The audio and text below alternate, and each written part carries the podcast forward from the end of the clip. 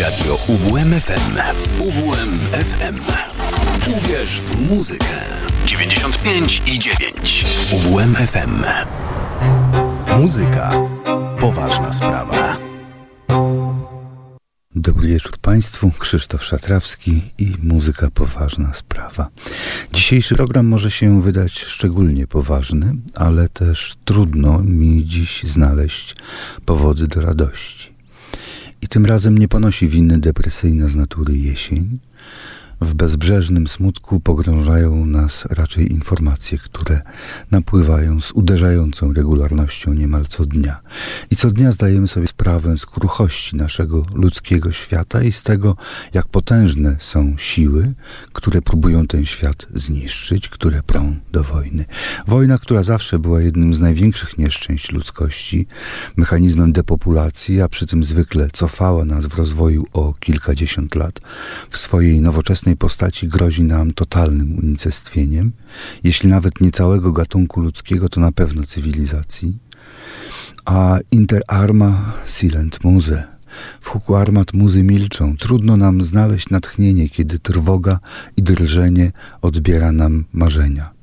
Mord dokonany na uczestnikach festiwalu muzycznego w Izraelu przypomniał, jak bardzo poważną sprawą wciąż jest muzyka.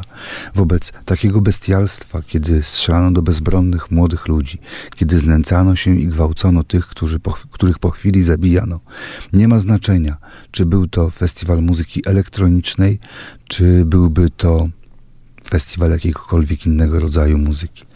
Atak Hamasu na Izrael zaczął się ledwie tydzień temu, sytuacja jednak wciąż się rozwija i spoglądając na układ sił w polityce światowej, trudno przewidzieć, kiedy i jak się to zakończy. Obawiam się, że nikomu, kto myśli w miarę trzeźwo, nie jest do śmiechu i w tej strasznej sytuacji będę próbował wykazać, że kiedy już zostaniemy ograbieni ze wszystkiego, właśnie muzyka pozostanie przestrzenią ocalającą, ocalającą w nas to, co ludzkie. Dzisiejszą audycję zaczniemy od rekwiem Romana Palestra, a dotychczas nie mieliśmy okazji zaprezentować tego wybitnego polskiego kompozytora. Od dawna nosiłem się z zamiarem prezentacji przynajmniej fragmentu tego właśnie rekwiem.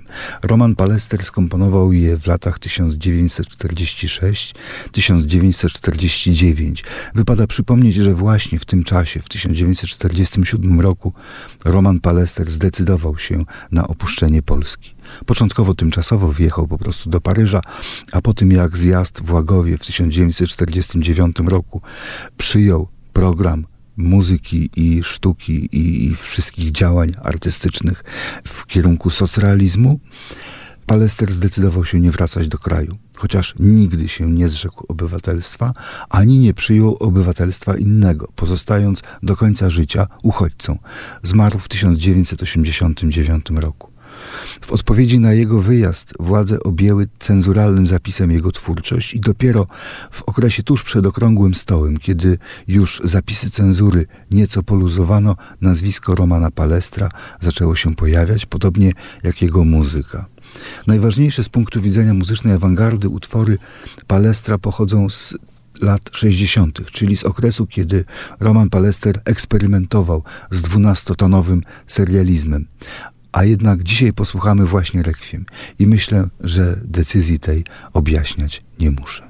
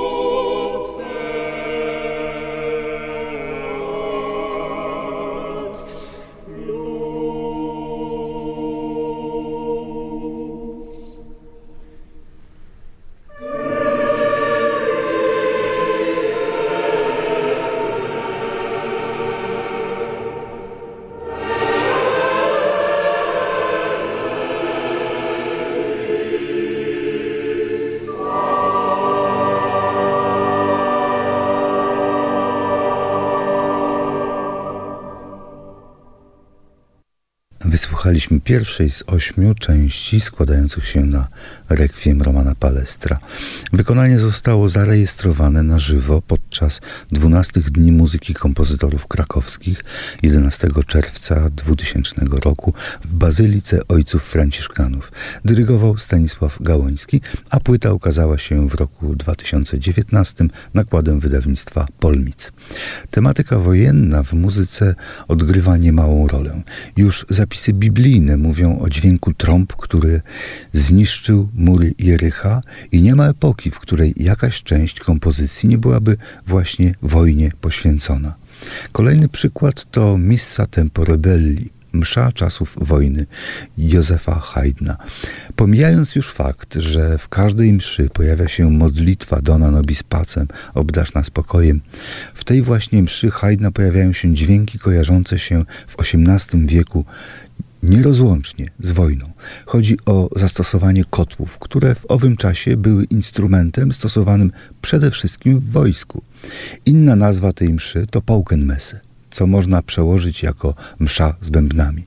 Posłuchajmy Agnus Dei z Missa Tempore Belli Haydna w wykonaniu chóru kameralnego RIAS i berlińskich filharmoników pod dyrekcją Jamesa Levina i wydany w 1992 roku przez wytwórnię Deutsche Grammophon.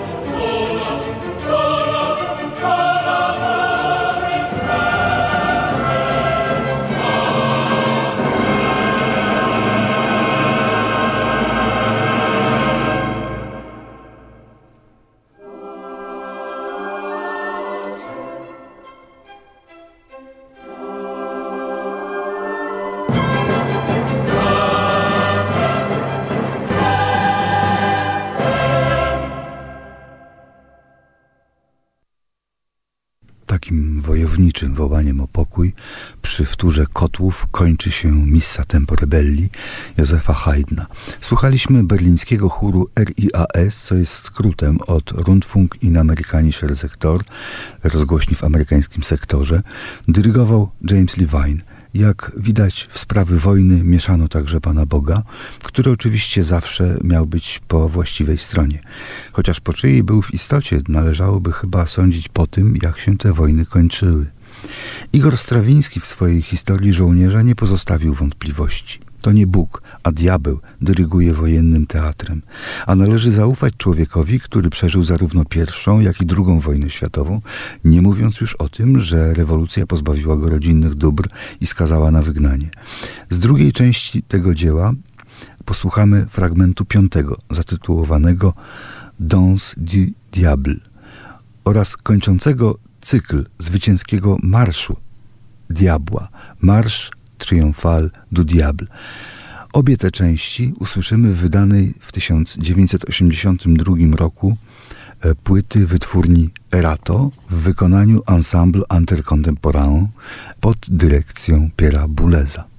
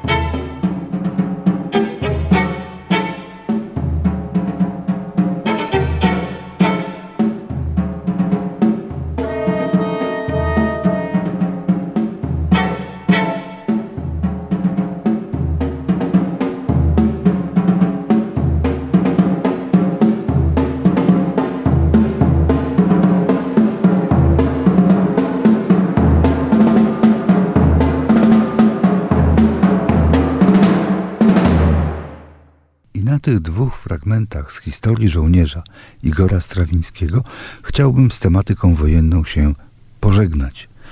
Najchętniej w ogóle się pożegnać i już nie wracać do tej tematyki nigdy. Chociaż całkowicie się to na pewno nie uda. Ze smutkiem muszę przyznać, że każdy niemal kompozytor w dziejach muzyki z bliższej czy z dalszej perspektywy wojny jednak doświadczał. Mimo to ludzie zawsze znajdowali w sobie dość sił, aby tworzyć od nowa podstawy pokoju i szczęśliwego życia. Gdybyż jeszcze nie ten diabeł. Spróbujmy schronić się w głębinach muzyki absolutnej, nieuwikłanej w wielkie i mniejsze historie, a uciekniemy przez Bacha i przez jego muzykę kameralną. Najpierw wiolonczela solo i kolejne nagranie sześciu suit. Cykl ten w katalogu Schmidera obejmuje numery od 1007 do 1012 i należy do dzieł skomponowanych na wiolonczelę w okresie, kiedy ten instrument dopiero zyskiwał sobie coraz większą popularność, a co za tym idzie różnicował się od swojej starszej siostry Violi da Gamba pod względem technicznym i estetycznym. Bach, komponując muzykę dla dworów Keten, przełamał stereotypowy podział na dworską estetykę violi da gamba i plebejską wiolonczelę. Nagranie kompletu sześciu suit na wiolonczelę solo to wyzwanie podejmowane przez każdego wybitnego wiolonczelistę. Piąta suita nosi tytuł Suite Discordable. Bach zastosował obniżenie struny A na G. W ten sposób wiolonczela tym utworze strojona jest C, G, D, G, co oczywiście wpływa także na barwę instrumentu, chociaż bywa tłumaczone jako, jako efekt przywiązania do pierwotnej wersji tej suity na lutnię. I właśnie preludium z piątej suity C-moll Bachwerke Verzeichnis 1011 chciałbym Państwu zaproponować w nowej, świeżej, tegorocznej interpretacji Walerii.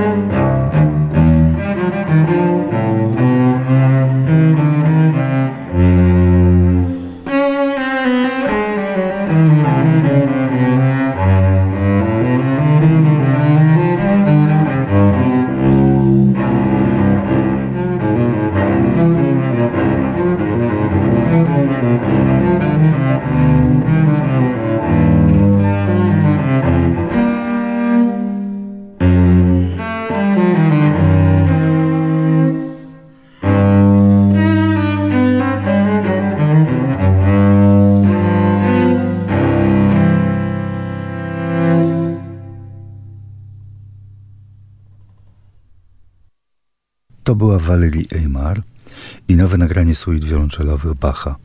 Wykonanie to raczej nie usunie w cień największych mistrzowskich interpretacji, ale jego zaletą jest, wielką zaletą jest aktualność.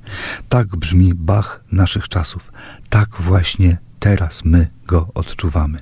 Z nowych wykonań Bacha nie mogę nie zauważyć dwóch fantastycznych albumów z nagraniami wariacji goldbergowskich. Pierwszy album, wydany w roku 2020, dostałem na gwiazdkę i w minionych miesiącach metodycznie i bez pośpiechu wgryzałem się w strukturę tej interpretacji, ale też nie jest to zwyczajne wykonanie.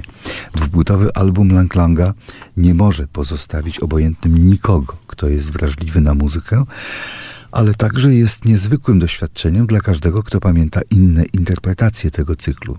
Oczywiście nie znaczy to, że wszyscy zaakceptują ujęcie Langlanga. W końcu każdy ma prawo do własnego zdania. I to też jest piękne w muzyce, w sztuce, w literaturze. Każdy może znaleźć coś dla siebie i każdy może odrzucić to, co go nie zachwyca. Zacznijmy zatem od arii, która w interpretacji Langlanga staje się ucieleśnieniem czasu zatrzymanego, spokojnym trwaniem, w którym cisza odgrywa niezwykle ważną rolę.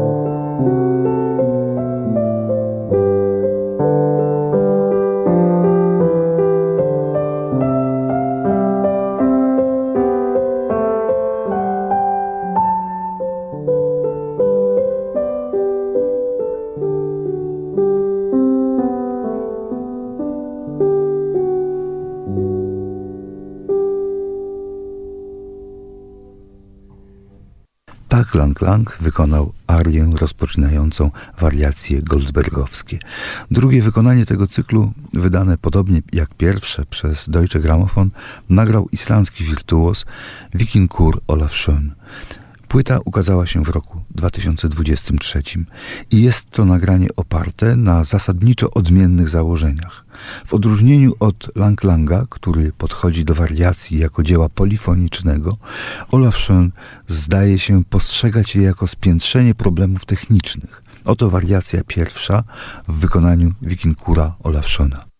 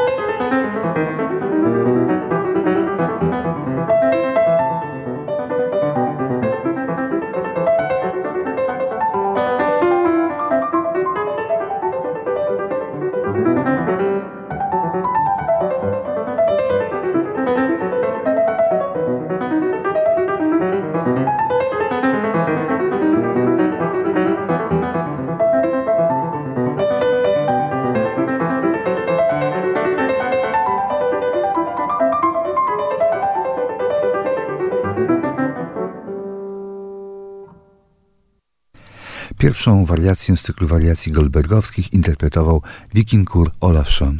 A teraz spróbujmy zestawić dwa wykonania. Generalnie Lang Lang obiera tempa niższe niż pianista islandzki. O ile Lang Lang nieustannie różnicuje dynamikę i w ten sposób rozbija narrację na głosy, wikingur Olaf Schön skupia się przede wszystkim na artykulacji i tempach, różnicując w ten sposób poszczególne części. Która strategia jest skuteczniejsza, możemy przekonać się porównując je, chociaż ostateczny wynik jak zwykle ustali historia. Posłuchajmy, jak wariację piątą grają dwaj pianiści. Najpierw Lang Lang.